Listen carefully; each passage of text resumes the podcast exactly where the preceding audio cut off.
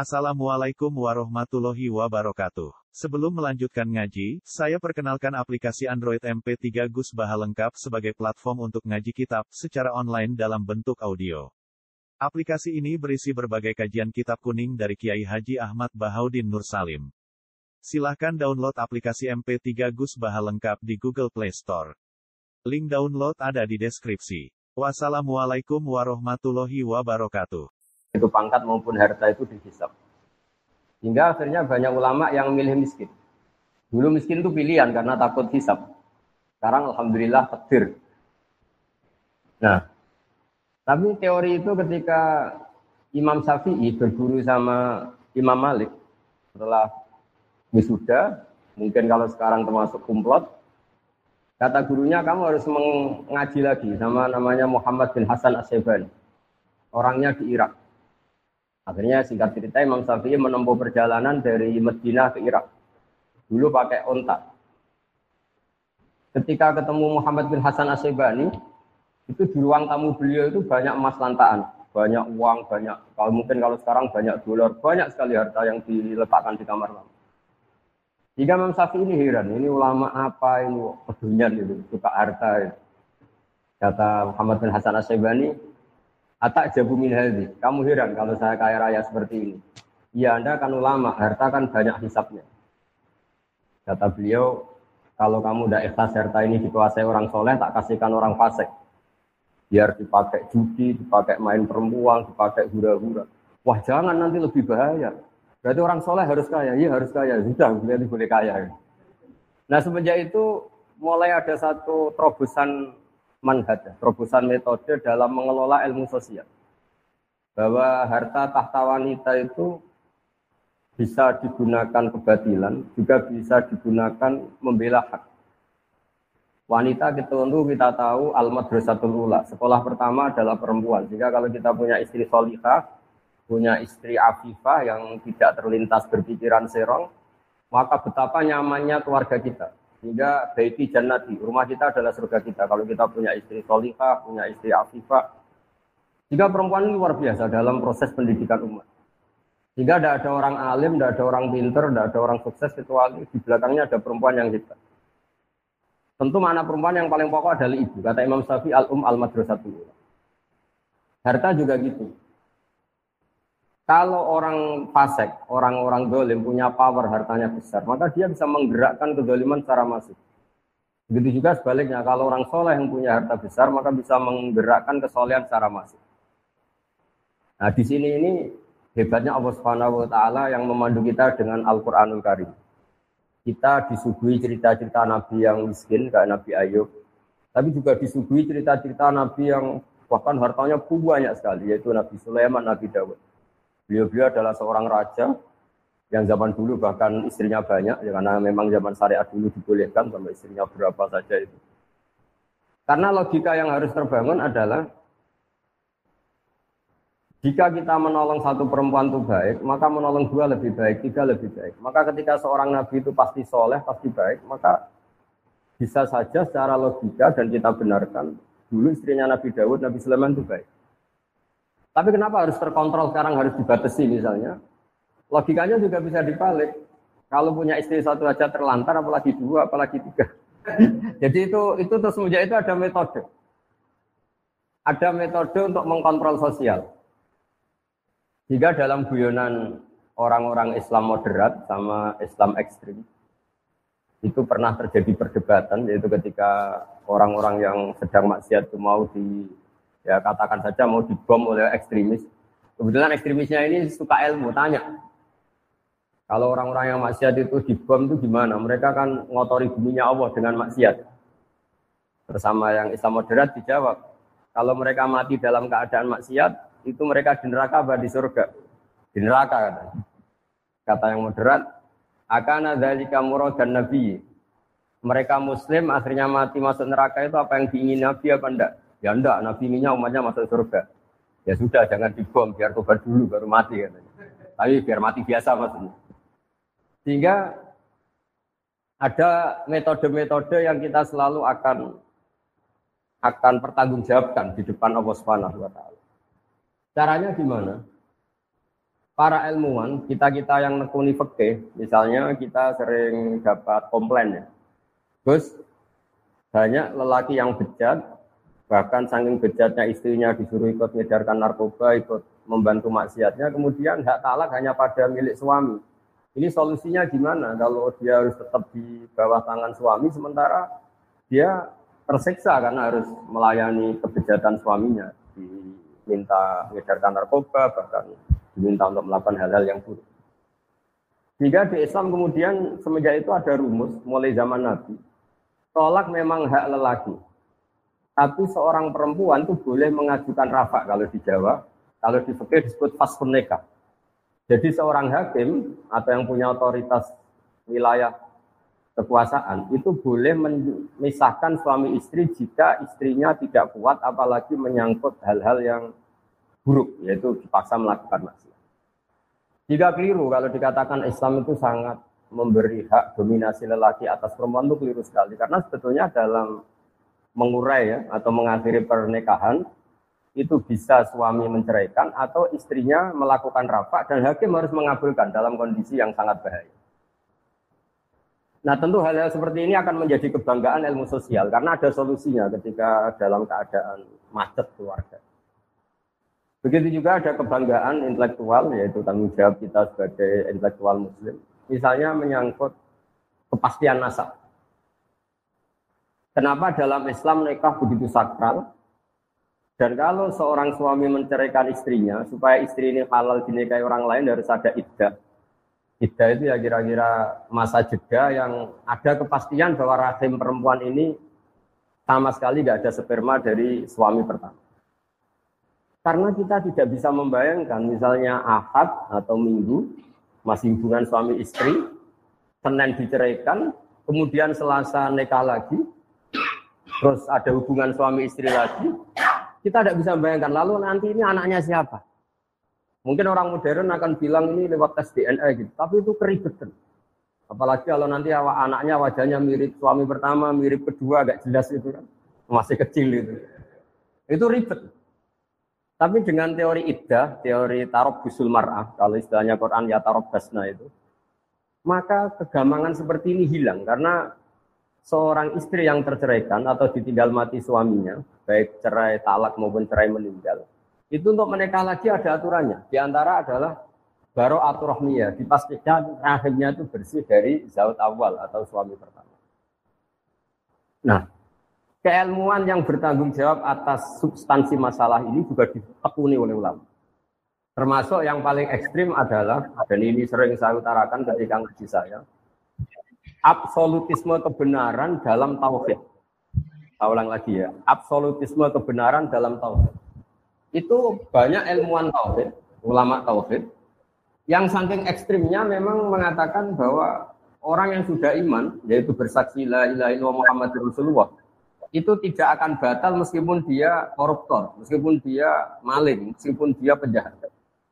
Itu kan satu hal yang menurut ilmu sosial itu kayak paradok. Bagaimana Islam yang luhur, kemudian Islam yang luhur, iman yang luhur ini nggak bisa dibatalkan oleh kebejatan perilaku pelakunya atau pemeluk Islam. Kata pakar ahli tauhid, dan itu berdasar hadis sahih, mangkola la ilaha illallah dakhalal jannah Ya, mangkola la ilaha illallah dakhalal jannah. Nabi suatu saat kelihatan senyum-senyum ceria. Kemudian ditanya oleh Abu Dar, kebetulan di pinggir beliau ada Abu Dar, Ya Rasulullah, kenapa engkau senyum-senyum? Barusan Jibril datang ke saya dan memberi kabar saya bahwa siapa pun dari umatku yang bertauhid secara benar, maka dia pasti masuk surga. Meskipun wa inzana wa insaraka, meskipun pernah zina, pernah malik. Itu Abu Dar sampai tiga kali tanya, yang benar ya Rasulullah, masa pernah gitu masuk surga? Ya kata Nabi, sampai tiga kali. Nah, saya pernah ditanya seorang dosen, tanya, Gus, bagaimana itu bisa terjadi? Satu kesakralan iman yang boleh atau enggak terganggu oleh kesalahan perilaku pemeluknya, yaitu wa inzana wa insarah. Saya baca beberapa sarah hadis itu termasuk di Sarhun Nawawi Jawabannya adalah di sini Nabi sedang menerangkan absolutisme kebenaran. Bukan masalah membolehkan zina apa enggak. Tentu zina tidak akan pernah boleh. Maling tidak akan pernah boleh. Tapi Nabi ingin mengatakan absolutisme kebenaran itu enggak terganggu oleh pelaku. Kita yang punya gelar ya bilang satu tambah satu dua. Yang enggak punya gelar ya bilang dua. Musuh kita ya bilang dua. Rektor Al-Azhar ya bilang dua. Anak yang penggembala kambing yang bilang dua. Semuanya akan bilang dua. Satu tambah satu akan bilang dua. Karena kebenaran satu tambah satu dua itu enggak boleh bersyarat boleh mengatakan dua kalau Anda rektor. Boleh mengatakan dua kalau Anda soleh. Kalau tidak soleh kamu harus mengatakan tiga, tidak boleh. Kebenaran absolutisme harus harus sah. Siapa pun yang mengatakan itu. Sama, kebenaran bahwa Allah Tuhan itu selalu sah. Siapa pun yang mengatakan itu. Bahkan orang yang berkafir 100 tahun, dia kafir, saat itu melafalkan la ilaha illallah maka imannya langsung sah. Padahal berpuluh-puluh tahun dia kafir. Karena kebenaran absolut akan selalu sah tanpa memandang pelaku. Nah ini namanya pembel, uh, substansi kebenaran. Ini nggak akan terganggu oleh perilaku sosial. Kemudian ada ulama yang cara berpikir itu sosial. Bahwa Islam itu bisa menarik karena justru aturan-aturannya itu. Kita sebagai manusia tentu suka kalau negara ini tertib tanpa perzinaan, tanpa maling, tanpa korupsi. Dan Islam alhamdulillah mengharamkan itu semua dan mengancam itu semua dengan neraka. Sehingga karena sisi sosial ini begitu, maka kita alhamdulillah sebagai muslim. Hal-hal yang buruk diharamkan dan di antara ciri Nabi adalah mengharamkan yang haram. Jika kita selalu akan mengharamkan perzinaan, mengharamkan judi, mengharamkan dugem dan sebagainya. Tapi pertanyaannya adalah selalu ada kebenaran absolut yaitu iman. Boleh enggak kebenaran absolut terganggu oleh kesalahan sosial? Itu tadi. Kalau kebenaran absolut ya sudah nggak boleh diganggu oleh apa pun termasuk tadi kita mengatakan satu tambah satu dua. Orang baik yang bilang dua, orang buruk yang bilang dua, setengah baik, setengah buruk yang akan bilang dua. Karena kebenaran absolut adalah kebenaran yang tidak, boleh terganggu oleh apa pun. Nah di sini kenapa Nabi mengatakan wa inzana wa insarab. Tapi di balik yang sama, dengan porsi yang sama, Nabi pernah mengancam la yazni hina yazni wa mu'min, wa la sarik hina wa mu'min tidak pernah berzina seseorang kemudian dia saat itu berstatus mukmin dan tidak pernah maling seseorang kemudian saat itu dia berstatus mukmin. Lalu bagaimana dengan dua hadis ini yang sama-sama sofa? Oleh ulama dijawab, ketika seseorang zina atau maling itu pasti terinspirasi oleh kenakalannya, oleh nafsunya. Tidak ada sangkut paut dengan imannya. Karena yang namanya iman pasti mengajarkan kebenaran. Nah, di sini kemudian ada kelompok besar dalam madhab Islam, ada ahli sunnah wal jamaah yang berkeyakinan Islam, iman adalah satu keyakinan absolut. Jika kalau orang salah, dia tetap salah saja, tapi tidak sampai menjadi kafir. Ada kelompok khawarij yang mengatakan setiap kesalahan besar menjadikan seseorang kafir. Kita sekarang bikin analogi. Kalau seseorang sudah sah menjadi warga Indonesia, dia berKTP Indonesia, tidak pernah mengeluarkan diri dari warga Indonesia, kemudian dia jadi koruptor, tentu kita sepakat dia warga Indonesia. Soal kita hukum, kita beri sanksi, itu karena kesalahannya. Tapi dia tetap warga Indonesia. Karena dia warga Indonesia adalah status. Sementara kesalahan dia adalah kesalahan sebagai manusia. Jika madhab wali sunnah adalah seseorang yang melakukan dosa besar tetap mukmin, tapi nanti tetap disiksa di neraka entah berapa lamanya. Kita juga belum mengkonfirmasi sama malaikat Malik ini, penjagaan nerakanya ini. Tapi yang jelas ada pelatihan di sini. Nah, pelatihan ini juga menguntungkan kita. Menguntungkannya gini, di Quran ada ayat Kulja al-haq wa ma yubdi'ul wa ma. Kalau yang lebih terkenal tentu ja al-haq wa zaqal batil innal batila kana Kalau kita berpikir absolutisme, berpikir kebenaran mutlak, maka kemusyrikan, kekafiran, kesalahan itu hal yang enggak ada. Kalau istilahnya Quran, kaburat kalimatan takruju min afwahihim iyaquluna illa kadhib. Misalnya ini saya pegang jam tangan, mungkin ini dari aluminium atau besi. Terus saya mengatakan begini, jam tangan saya ini dari kayu. Maka kalimat ini tidak menjadi kalimat opini, tapi menjadi satu kesalahan. Karena itu kalimat yang salah. Jika kalau Tuhan itu hanya Allah, maka hakikat yang ada ya Tuhan itu hanya Allah, bukan yang lain. Sehingga apa pun banyaknya orang musyrik itu dianggap tidak ada. Wa ma yubdiul batil wa ma itu sesuatu yang batal, yang enggak benar itu pasti enggak ada. Karena tadi fakta bahwa jam ini dari kayu adalah enggak ada. Meskipun yang mengatakan ada, mungkin yang mengatakan itu karena salah ucap atau kebodohan atau keyakinan yang keliru, tapi hakikat ini tidak. Dan di sini hebatnya Islam. Islam pertama datang termasuk wa allama adamal asma. Pertama Nabi Adam diajari adalah menamai sesuatu sesuai proporsinya, sesuai statusnya. Jadi andaikan dari dulu orang kafir Quraisy mengatakan, wah ini pahatan batu dari Magelang gitu, atau ini batu dari Ponorogo, jenis batunya ini, pemahatnya ini, harganya ini. Mungkin mereka hanya bilang ini batu yang dipahat. Tapi gara-gara ini diberi gelar, diberi penamaan manat, pemberi. Al-Uzza, ini satu hal yang agung, satu hal yang besar. Hubal. Sehingga terus orang itu gampang. Wow, kalau saya melecehkan ini pasti saya kualat. Tapi hakikatnya ini tetap batu. Nah, jika apakah ada Tuhan selain Allah? Ya jawabannya tidak ada, karena selalu Tuhan hanya Allah Subhanahu wa taala. Tapi apakah ada orang yang menuhankan selain Allah? Hanya ini dibedakan antara hak selalu satu. Ya hak selalu satu dan kebatilan selalu nggak ada. Tapi yang mengatakan ada, yang meyakini ada, tapi kebatilan sendiri ya. Di, ini banyak juga ulama yang spesial membela al haqu wa Seperti saya mengatakan baju saya ini putih. Ya sudah putih. Kok banyak satu dunia mengatakan baju saya hitam itu tidak punya pengaruh. Baju saya menjadi hitam tentu putih. Karena kebenaran absolut akan ada punya eksistensi. Disebut ja'al haq. Wazakul batil. Yang batil pasti nggak ada. Memang itu tidak Kemudian ilmu sosial atau ilmu yang didiktekan karena satu hal tertentu ini punya pengaruh. Yaitu misalnya sesuatu ini putih.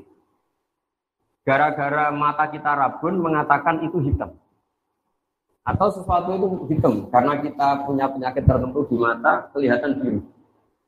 Nah di sini ya, kalau ulama mengatakan mulai ada hijab. Sebetulnya manusia tahu bahwa Tuhan hakiki adalah harusnya Tuhan yang awal. Karena nggak mungkin langit bumi ini diciptakan sesuatu yang lebih terbelakang dari langit bumi. Sehingga Allah mensifati dirinya al-awwal. Namanya pencipta harus wujud lebih dulu, al-awwal. Karena langit bumi ini adalah wujud, punya eksistensi, maka penciptanya harus lebih punya eksistensi. Kalau dalam bahasa pesantren disebut wajib wujud. Kalau yang diciptakan saja ada, maka yang menciptakan pasti ada. Jika alam raya ini tidak dimulai dari nihilisme, ketiadaan, tapi dimulai dari yang ada. Yang ada ini oleh kita, zaman kita kecil ngaji, ujian wujud idam bapak. Karena eksistensi pertama seorang pencipta adalah harus wujud, harus punya eksistensi. Ini juga ada yang menekuni sendiri. Namanya ilmuwan-ilmuwan tauhid. Menekuni satu kebenaran absolut yang tidak boleh terdikte oleh ilmu-ilmu sosial. Tapi pertanyaannya adalah, apa pun absolutismenya kebenaran ini, manusia itu punya sisi keterbatasan. Apa pun putihnya baju ini, kita harus melatih orang yang mengatakan supaya dalam keadaan matanya normal, kondisinya normal. Karena nggak ada artinya ini secara objektif bukti. Kemudian yang melihat tidak normal karena matanya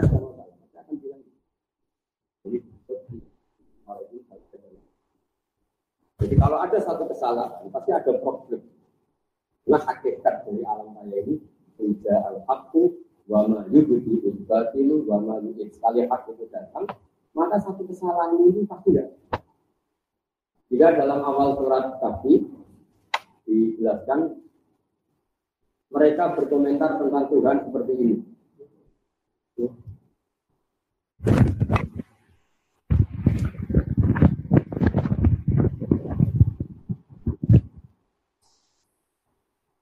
Ya saya teruskan.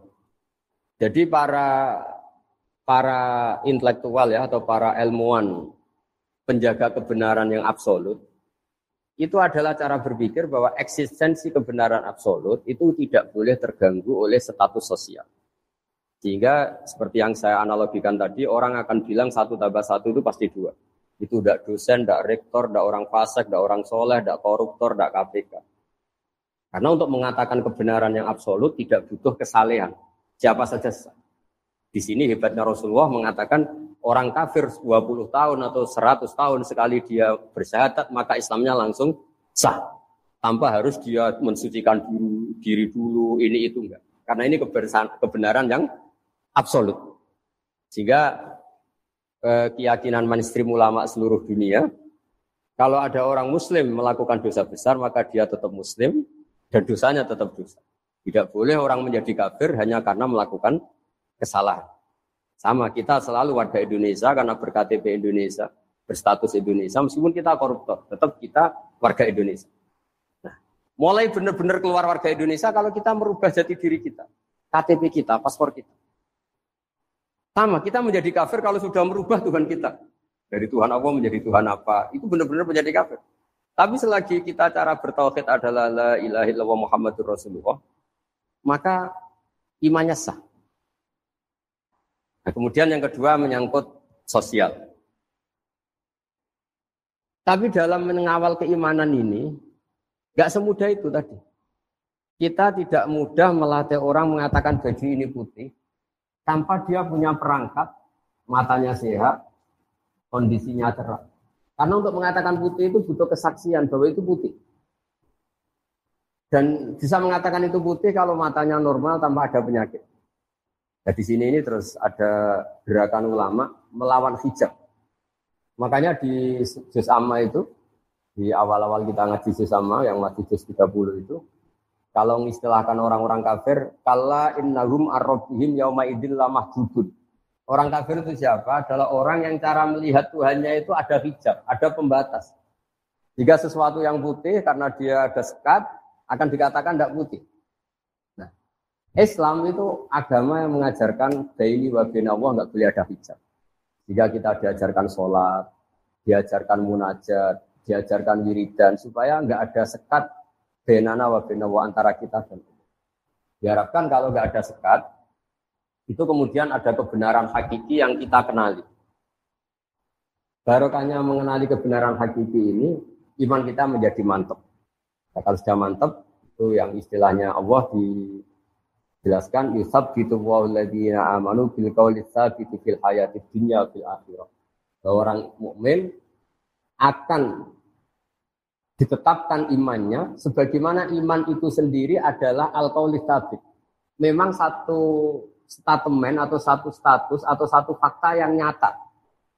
Beda dengan orang kafir ketika misalnya menyembah batu atau menyembah manusia, Nanti di akhirat sama Allah dipanggil. Tuhan kamu siapa? Batu Gusti. Tuhan kamu siapa? Manusia ini. Mana itu? Setelah dipertontonkan ternyata mereka ada siapa-siapa. Ini yang disebut mereka didatangkan bersama Tuhan-Tuhan yang mereka sembah. Kemudian ini semua nggak ada guna. Di uh, sebagai mukadimah saya memang orang yang sangat fanatik supaya umat Islam berpikir tauhid secara benar dan itu penting sekali karena semua nabi kalau mengistilahkan dirinya itu kul inni ala bayinatin mirrabbi.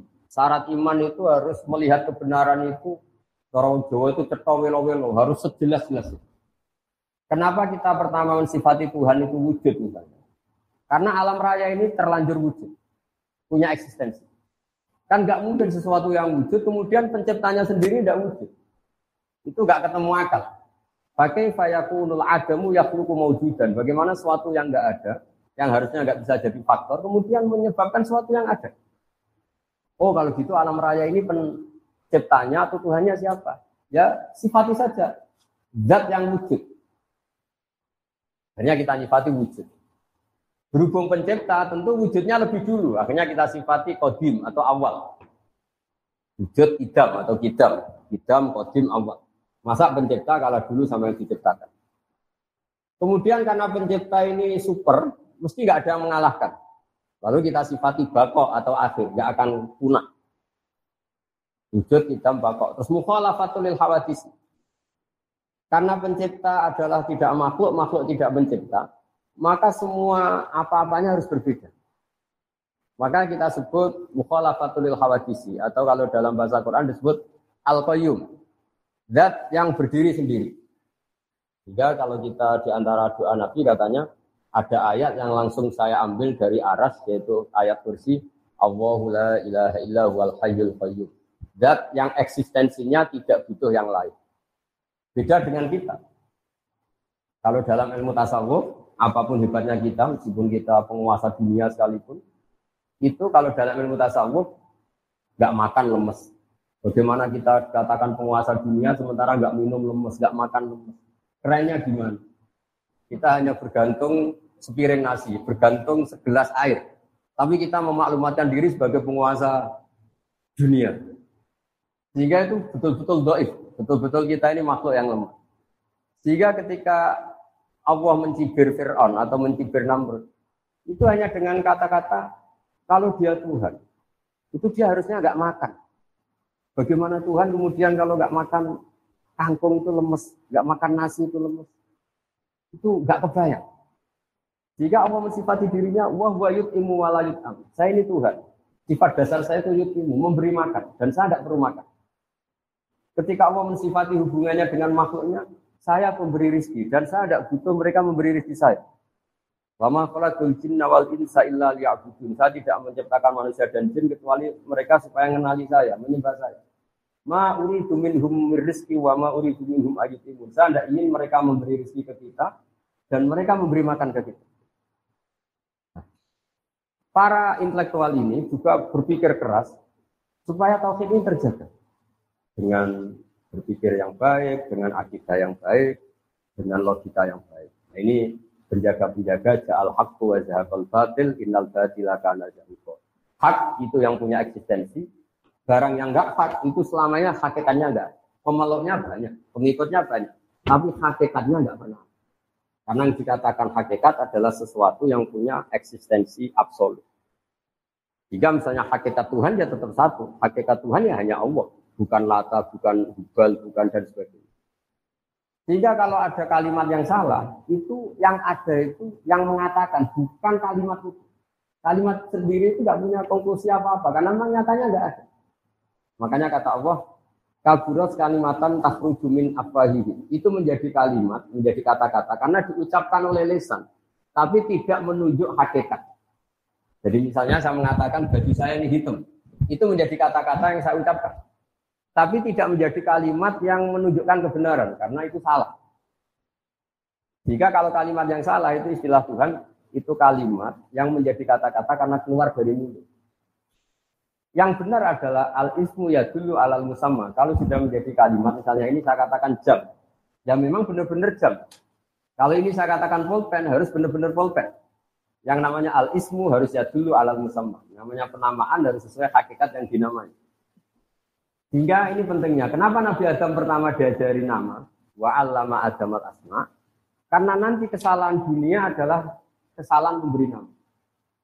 Jika banyak orang kafir Quraisy menyembah Hubal, Lata, Uzza karena memberi nama ini, wah ini penguasa, ini pemberi.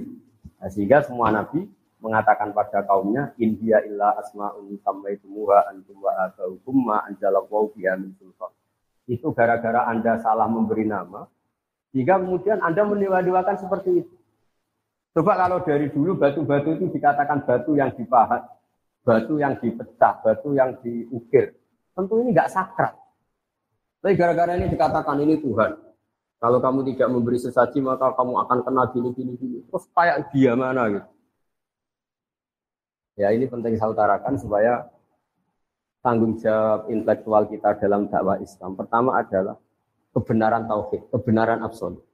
Iqra bismi rabbikal ladzi khalaq khalaqal insana min Terus terakhir ini masih punya waktu mungkin 10 menit untuk Nah, untuk mengan, untuk mengawal kebenaran absolut itu juga dibutuhkan ilmu yang namanya tasawuf. Ilmu tasawuf itu ilmu yang seseorang itu disuruh berpikir objektif. Misalnya begini, saya ini semua seluruh di Indonesia, seluruh dunia akan biasa mengatakan baju saya ini putih. Akan mengatakan misalnya pulpen saya ini biru. Dan itu kita biasa mengatakan itu tanpa nunggu digaji. Saya tidak perlu seperti ini. Saya akan mengatakan ini putih kalau saya dibayar satu juta. Biasa kita ikhlas mengatakan baju ini putih tanpa ada yang bayar satu juta. Nah, kalau kita biasa ikhlas mengatakan baju itu putih tanpa harus dibayar satu juta, kenapa kita mengatakan Allah Tuhan harus dibayar dengan surga? Nah ini terus orang-orang tasawuf bikin punya gugatannya sendiri. Kita terbiasa mengatakan hakikat ini tanpa presentasi ini digaji. Kita biasa mengatakan kalau baju saya ini putih. Kalau air itu menyegarkan. Beratus-ratus kali, mungkin berpuluh-puluh tahun kita mengatakan kebenaran itu tanpa ingin digaji. Kita mengatakan matahari itu panas. Tanpa ada gaji. Dan kita ikhlas. Tapi kenapa ketika kita mengatakan Tuhan itu Allah dan Allah itu Tuhan, harus digaji dengan surga? Nah itu terus kemudian orang-orang tasawuf punya riwayatnya sendiri. Ketika Allah gojlok sama orang-orang soleh. Masyur itu hadis kecil. Ada orang-orang soleh ditanya sama Allah, kamu menyembah saya karena apa? Ya karena saya ingin masuk surga ya Allah. Yang satu ditanya, kamu menyembah saya karena apa? Karena saya takut masuk neraka ya Allah. Kata Allah, laulam akhluk jannatan wala naron alam akun ahlan an uto'a. Saya ini Tuhan. Berarti kalau saya tidak menciptakan surga, saya tidak menciptakan neraka, terus saya tidak layak ditaati. Nah, terus akhirnya, ya tetap harus ditaati ya sudah, berarti karena saya. Nah ini terus uh, ke. Ya naif kita tadi, kalau kita mengatakan baju ini putih nggak digaji kita mau, kenapa untuk mengatakan Allah Tuhan harus nunggu di gaji? Sehingga orang-orang tasawuf punya sekian cerita, misalnya Nabi Isa jalan-jalan ke satu daerah, situ ada orang yang sangat kurus, sangat karena nggak pernah tidur. Kalau siang puasa ditanya, kenapa kamu ibadah sampai seperti itu? Karena kita ingin masuk surga. Terus jalan lagi ketemu orang yang sejenis itu. Ditanya, kenapa kamu sampai sekurus itu? Karena kita takut neraka. Terus ketemu kelompok ketiga, wajahnya happy, tidak terlalu kurus, eh, konstruksi badannya yang normal semua. Kenapa kamu asik? Karena saya mencintai Tuhan yang punya semuanya. Akhirnya Nabi Isa bilang yang dua kelompok tadi, makhluk konrojautum wa makhluk konfliktum. Kamu yang kamu harap-harap hanya makhluk.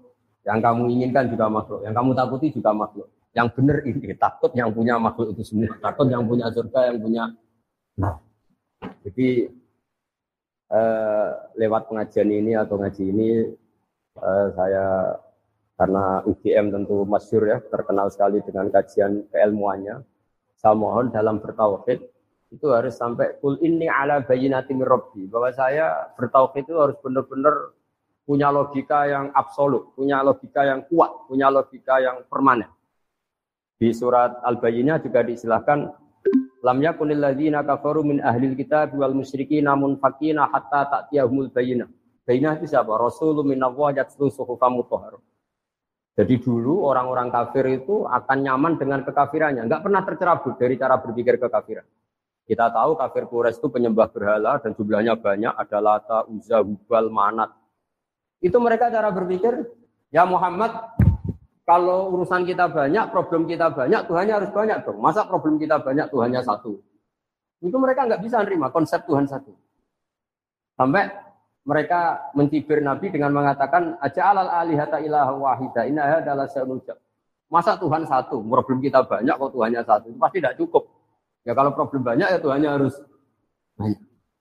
Terus Nabi dengan sabarnya memberi penjelasan, Wahai para orang-orang kafir, kalau kamu jadi buruh punya majikan banyak, kemudian perintahnya beda-beda, itu kamu suka mana? Punya majikan satu yang baik sama majikan banyak, perintahnya beda-beda.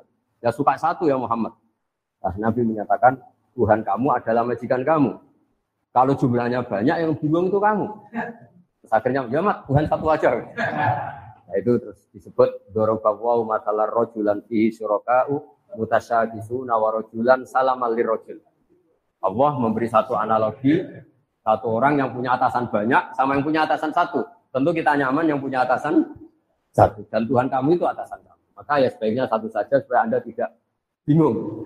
Yaitu hatta tak tiahumul bayin. Mohon semua di kita akademik UGM juga semua yang suka ngaji bahwa bertauhid itu harus sampai kul ini ala mirrabbi. Bahwa kebenaran harus benar-benar logis, absolut, dan tidak boleh tergoyah oleh apa pun. Eh, saya kira demikian, mohon maaf. Assalamualaikum warahmatullahi wabarakatuh.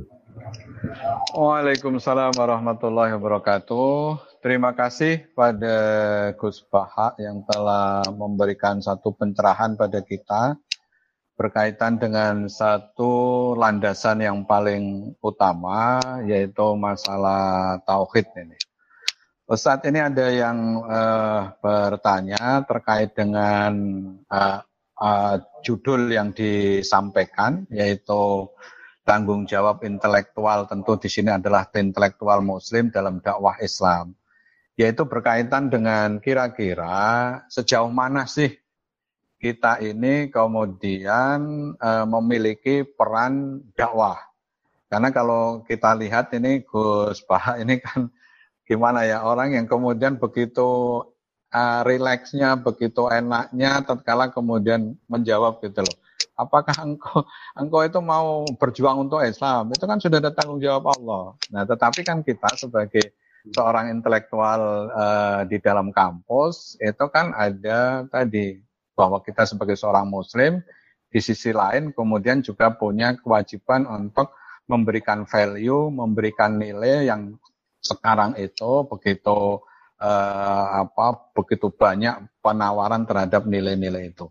Kalau kita ingin seperti eh, apa Gus Paham kan ya tidak mungkin kan gitu loh. Nah kira-kira balik lagi, kira-kira sebagai seorang intelektual itu bagaimana berkaitan dengan proses tanggung jawab dakwah berkaitan dengan proses belajar keagamaan. Terima kasih Gus. Oh ya. Jadi memang kenapa saya sering bikin statement Islam itu tidak usah kamu pikir itu pasti diurusi oleh Allah Subhanahu wa. Sebetulnya itu bentuk counter ya. Karena banyak pemikir Islam yang karena mungkin kurang baca atau nekuni Islam, justru gara-gara pikiran dia ini Islam tambah ruwet. Dan reportnya itu di atas namakan Islam. Jika saya mengkonter itu dengan mengatakan Islam itu tidak usah kamu pikir, karena panduannya jelas. Kita nggak usah mikir Islam pun, kalau sesuai panduan Islam, pasti dengan sendirinya itu dakwah. Karena Islam wajibkan mengajar. Islam mengharamkan kitmanul ilmi, menyembunyikan ilmu. Kalau ada kesusahan, Islam juga mengancam, tidak termasuk umatku, dia tidur kekenyangan sementara tetangganya kelaparan. Tidak termasuk umatku orang yang membiarkan sekelilingnya bodoh sementara dia pinter. Jadi sebetulnya kalau mengikuti panduan-panduan Islam itu bagus. Problemnya kalau hak mikir ini kita berikan sama nyuwun sewu mubalek atau ustadz atau kiai, semua orang akan punya cara berpikirnya sendiri. Dan itu awal dari istilah kata Nabi, sehingga kita sebagai ulama itu membatasi sekali yang namanya pemikiran. Kita utamakan riwayat. Meskipun kita tidak meninggalkan akal. Jadi misalnya begini contoh paling gampang ya. Ada orang dengan pengalaman tertentu, dengan trauma tertentu, kemudian terus pidato begini. Kiai itu harus kaya, dosen itu harus kaya. Kalau dosen tidak kaya, tidak bawa mobil, tidak dihormati mahasiswa.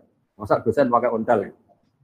Ini kan traumanya dia, mungkin dia pernah bawa ondal ditertawain mahasiswanya atau ditertawain umatnya kalau kiai. Tapi kemudian dia bikin ukuran untuk bikin ukuran kalau ingin dihormati kamu harus bawa mobil. Pertanyaannya adalah mana ada target dalam Islam supaya orang dihormati? Target dalam Islam adalah orang nyari ridhonya Allah, bukan ingin dihormati. Nah ini yang kemudian kan jadi lucu. Masa orang digerakkan, dia ini harus kaya. Kalau nggak kaya nggak dihormati. Dosa harus bawa mobil. Kalau nggak mobil nggak dihormati. Pertanyaannya, target ingin dihormati ini pikiran Islam atau pikirannya dia? Nah, tentu kita tetap tanggung jawab terhadap perjalanan agama ini, kita memberi kontribusi, tapi dengan cara tadi. Saya ulang lagi dengan cara riwayat. Kenapa saya katakan dengan cara riwayat? Karena kalau analogi sosial, itu tidak ada selesai. Misalnya begini, saya sering ditanya, Gus, sebaiknya orang itu ramah apa enggak? Misalnya kita punya istri, sebaiknya ramah apa enggak? Itu di Quran itu Ini ilmu sosial ya. Wahai para istri Nabi, istri Nabi itu cantik-cantik. Kalau kamu ketemu lelaki lain, itu falah takdok nabil kauli. Justru kamu nggak boleh terlalu ramah. Karena kalau terlalu lama, falah takdok nabil kauli, fayat ma'al lagi fi qalbihi. Ada perempuan cantik yang ketemu bapak-bapak ramah, senyum. Mungkin pikiran lelaki ini bukan dinilai ramah. Wah berarti ini mau sama saya, kan jadi repot. Sehingga kalau ilmu sosial semuanya mungkin, ramah yang sesuatu yang baik, tapi orang yang hatinya sakit, ada penyakitnya kata Allah, fayat ma'alladzi fi qalbihi marad. Kita sopan sama orang, sama orang sopan terkenal dermawan. kena penipu, ini dianggap satu objek. Wah, kapan-kapan nipu orang ini ya, potongannya kok gampang ditipu. Jadi ilmu sosial itu ilmu yang mengeruat. Karena kebaikan sosial ini akan dimanfaatkan orang-orang fasik, orang-orang durhaka untuk keburukan. Sehingga Islam itu mengelola sosial itu ya agak gampang karena memang logika sosial itu. Makanya pertama Imam Syafi'i ngaji Imam Malik itu gejolokannya gini dan saya mengenang betul gejolokan itu. Ya Syafi'i, wahai Syafi'i, kamu punya dua pembantu. Terus dua pembantu ini yang satu kamu cerdas, yang satu ini cerdas kamu perintahkan. Ikhla hadis sofro. Batu besar itu coba kamu tarik, kamu bongkar. Fa'inna tahtaha daban, karena di bawah itu ada emas. Terus yang satu nggak tanya, langsung dibongkar. Ketika yang satu langsung bongkar, ditanya, kenapa kamu tidak tanya maksud saya apa? Terus kata pembantu tadi, saya hanya ingin nurut sama jenengan. Jadi gak penting di bawah ada emas apa enggak. Kalau yang nyuruh jenengan tetap saya bongkar. Yang satu enggak. Kalau ada apanya bos? Ada emasnya. Ya sudah saya bongkar. Kalau nggak ada emasnya ya ngapain? Kamu seneng mana? Kata Imam Syafi'i ya, ya seneng yang loyal, seneng yang loyal tanpa mikir. Kadang kita beragama itu butuhnya itu sami'na wa atoknya. Ya saya ulang lagi, karena karena sekali semua agama ini di, dipikir, itu nanti ya repot. Ya tadi misalnya gini, ini yang tren ya di zaman akhir. Kita misalnya mengkaji sholat. Mengkaji sholat itu ada yang, oh fungsinya rukuk begini, fungsinya sujud begini, ini peregangan, ini pernafasan. Lama-lama sholat ini kayak senam yoga. Lama-lama ada yang tanya, banyak yang sholat kok penyakitan ya nggak sholat kok enggak gitu. Jadi kita sebagai ulama itu mikirnya gini, nggak mungkin Allah bikin gerakan tertentu tidak ada hikmahnya. Tapi jangan sampai hikmah ini kemudian yang menjadi alasan hukum itu. Karena kalau hikmahnya rukuk misalnya peregangan, suatu saat ada gerakan tubuh yang lebih efektif untuk peregangan, lama-lama orang meninggalkan rukuk. Nah, Bapak Ensir, ulama itu berpikir gitu, jadi berpikir ini nuruti akal apa nuruti logika. Kalau nuruti logika tadi takutnya, misalnya puasa itu supaya sehat. Terus ada orang yang bilang, tapi saya kalau puasa malah sakit. Jadi, nah makanya dalam sisi sisi ilmu sosial ya logika logika sosial itu khazanah kita. Saya mungkin termasuk kiai muda yang punya banyak khazanah tentang dialek sosial yang diajukan Allah Subhanahu wa taala kepada para kekasihnya. Karena tebaannya itu banyak. Jadi misalnya tadi, ada seorang rektor atau kiai top atau bos itu, selalu mikir sama anak buah. Kemungkinannya ini menena bukan anak buah, karena dipikir majikan. Tanpa mendelegasikan. Jadi kalau kita terlalu manja sama anak, mikir anak, nanti anaknya saya naik mau mikir, dipikir bapak. Tapi kalau nggak mikir, anak merasa agak disayang. Ini gimana bapak udah mikir anaknya? Nah, jadi artinya gini. Kenapa saya sering bikin statement agama itu rasa berpikir saya Allah. Maksud saya, takut saya pikiran ini menjadi pijakan hukum. Padahal sementara pikiran ini bikinan kita. Bukan ada riwayat bersandar dari Rasulullah Shallallahu Alaihi Wasallam. Kayak tadi misalnya kita ngomong kalau kiai tidak bawa mobil tidak dihormati, kalau dosen tidak mobil tidak dihormati. Pertanyaannya, Mana ada target dalam Islam ingin di Jadi itu sebetulnya tentang itu, bukan. Tadi kita tetap bertanggung jawab terhadap perjalanan Islam ini, termasuk hikmah-hikmah tadi. Kenapa ada kebenaran absolut yang kita jaga, yang seperti tadi yang saya katakan, tapi juga ada kebenaran sosial yang juga harus kita jaga. Jika ada hadis mangkola la ilaha illallah dakhalal jannah wa in zana wa in tapi juga ada hadis la yazni najli wa huwa mu'min. Karena ini untuk menjaga keseimbangan antara kebenaran absolut dengan kebenaran sosial. Ya, saya kira demikian. Terima kasih Gus Baha ya. Uh, ada pertanyaan lain ini uh, konteksnya adalah ada yang mengatakan tentang uh, ilmu yang wajib ain aja wajib kifayah.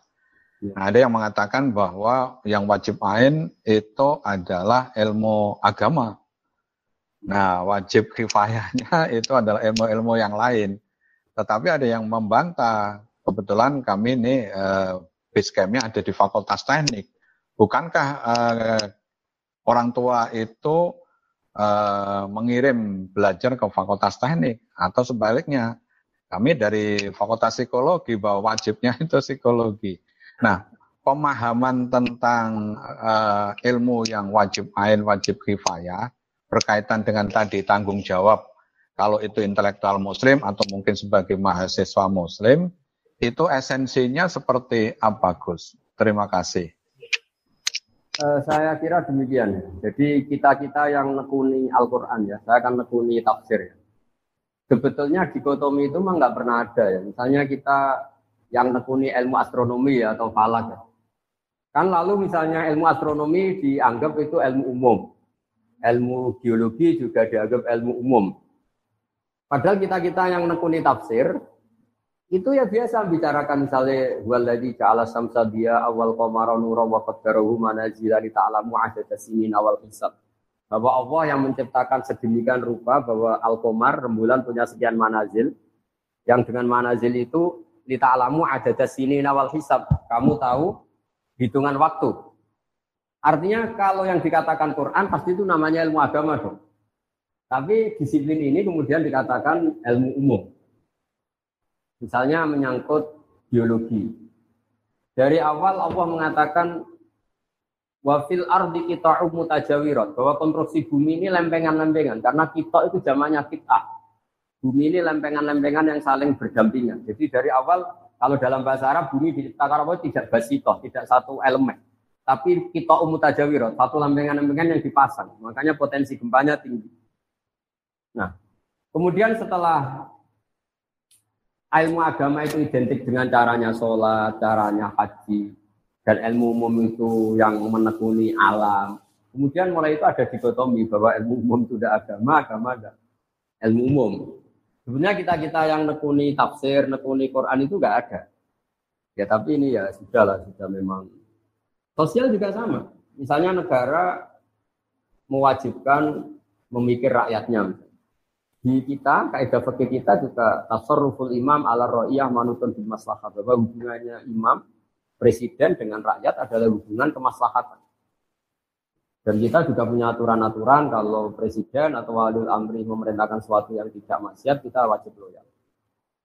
Nah tapi kemudian tadi eh, entah di mana asal usulnya ilmu agama ini dianggap yang berdoain itu ilmu agama, tapi ilmu agama yang mana? Sebetulnya karena ilmu agama itu banyak mengetahui halal haram itu ya berdoain.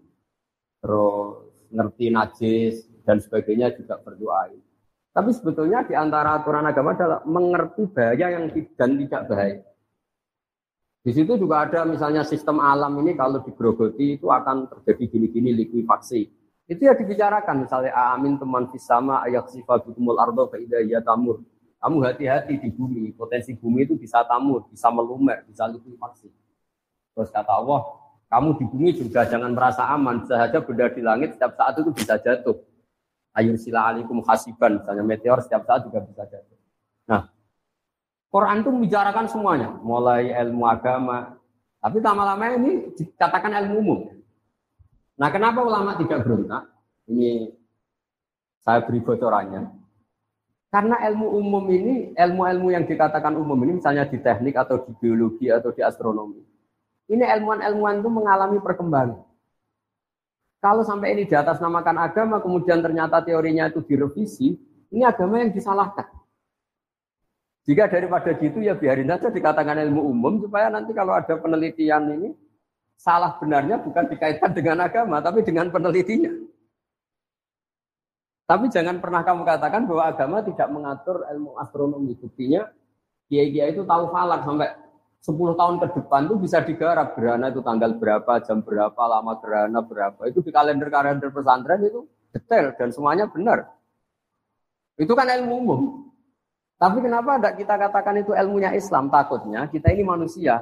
Pas garap salah dikatakan Islam ternyata malam Senin tidak gerhana, gerhananya malam Selasa. Nanti Islamnya yang salah.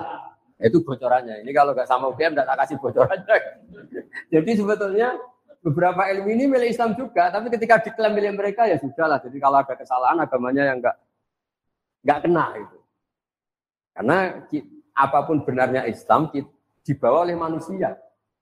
Kalau zaman Nabi pasti benar, maksudnya kita nggak Nabi.